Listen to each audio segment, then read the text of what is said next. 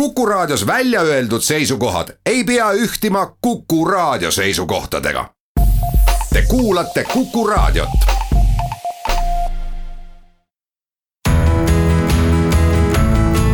kuku Raadio nädala kommentaar. tere, mina olen Peeter Espak ja loen nädala kommentaari teemal korruptsioon.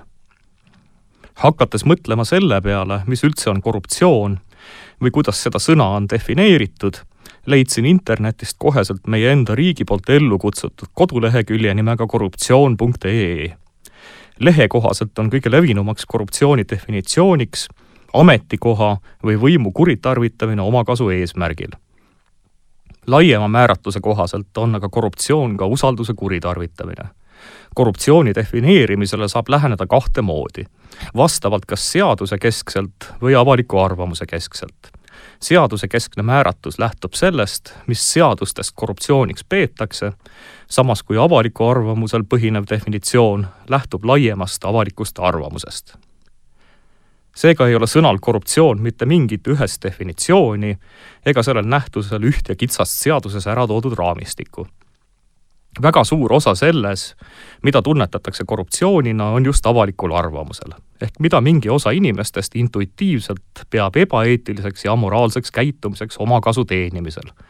ehk milline kasu on õiglaselt tööga saadud ja milline kasu on saadud kellegi teise arvelt oma positsiooni kuritarvitades näiteks viimasel ajal meedias välja toodud juhtumeid teadlaste korruptsioonihõngulistest ettevõtmistest Eesti ülikoolides pidas suur osa teadlaskonnast hoopiski paratamatuseks, mis on õigustatud sellega, et riiklikud regulatsioonid on paigast ära ning rahastusvõimalused peaolematud. kuidas asjad tegelikult olid või millena nad on tõlgendatavad, on vist alles selgumisel seega oludes, kus riik käitub ise ebamõistlikult või surub peale näiteks absurdseid reeglistikke, võib avalikkus või mingi osa sellest mõnede seaduste või reeglite rikkumisi ning isegi seadustest korruptsioonina tõlgendatavaid olukordi enda jaoks mõista hoopiski aktsepteeritud või isegi soodustatava tegevusmudelina.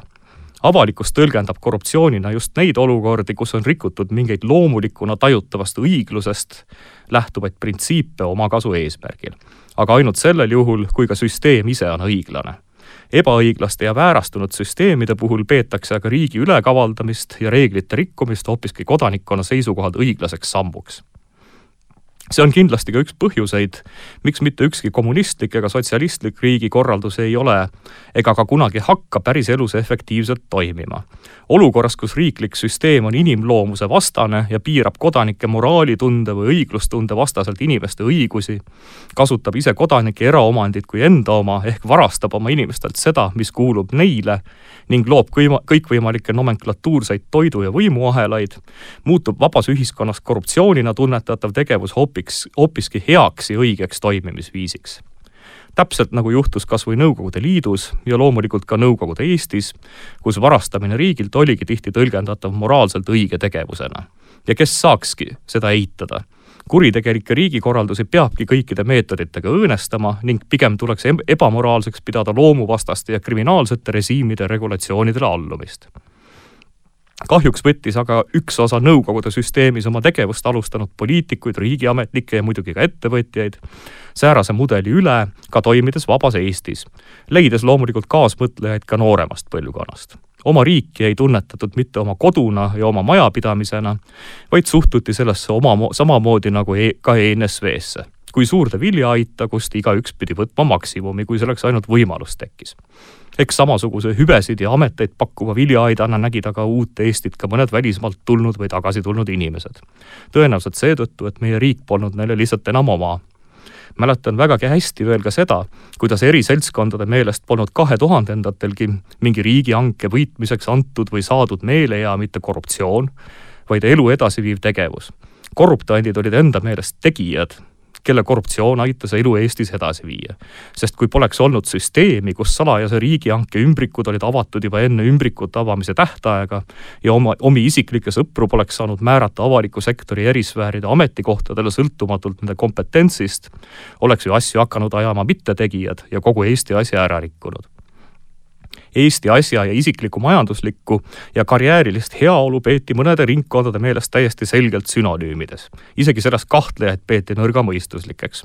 Enda heaolu samastatigi kogu riigi heaoluga ning mingil ringkonnal tekkiski ettekujutus, et nende poolt tehtav korruptsioon on hea korruptsioon, mis viib elu edasi vaadake, kui ilusa maja ma teile ehitasin. ilma minu altkäemaksuta avaliku asutuse ametnikule poleks selline maja ju kerkinud.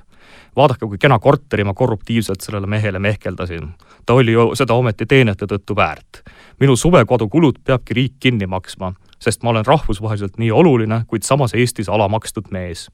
selline suhtumine oli veel mõni aeg tagasi Eestis vahel normaalsus nüüdseks on aga säärased hoiakud avaliku arvamuse ja muidugi ka ajakirjanduse tegevuse tõttu tugevalt muutunud ning meie taasiseseisvuse alguse kahekümnendi rehepapid, kes ennast tegijateks pidasid, ei ole enam tõlgendatav tegijate, vaid sulidena. lõppjäreldusena aga tahaksingi mainida, et korruptsiooni aitab tõenäoliselt vältida eelkõige see, kui riik ja sealt allpoole tema asutused ise on õiglased. ei koosta absurdseid reeglistikki ja ei piira oma kodanike vabadusi ja õigusi kui riiki või mingit asutust tunnetatakse suures plaanis õiglasena, tunnetab ka potentsiaalne korruptant ehk iga inimene seda, et sellelt riigilt varastamine või selle riigi ärakasutamine on väär, ebaõige ja ebaõiglane. võitlus korruptsiooniga ei oleks sel juhul mitte võitlus rahva seas levinud kombega, vaid võitlus sotsiopaatiliste või kriminaalsete kalduvustega isikutega, kes loomulikult ei kao samuti mitte kunagi ühestki ühiskonnast seega ongi ehk kõige tõhusam korruptsioonivastane meede mitte loosunglik ja kangelaslik võitlus korruptsiooni vastu, vaid eelkõige võitlus õiglase ja mõistliku riigi eest. kuku raadio nädala kommentaar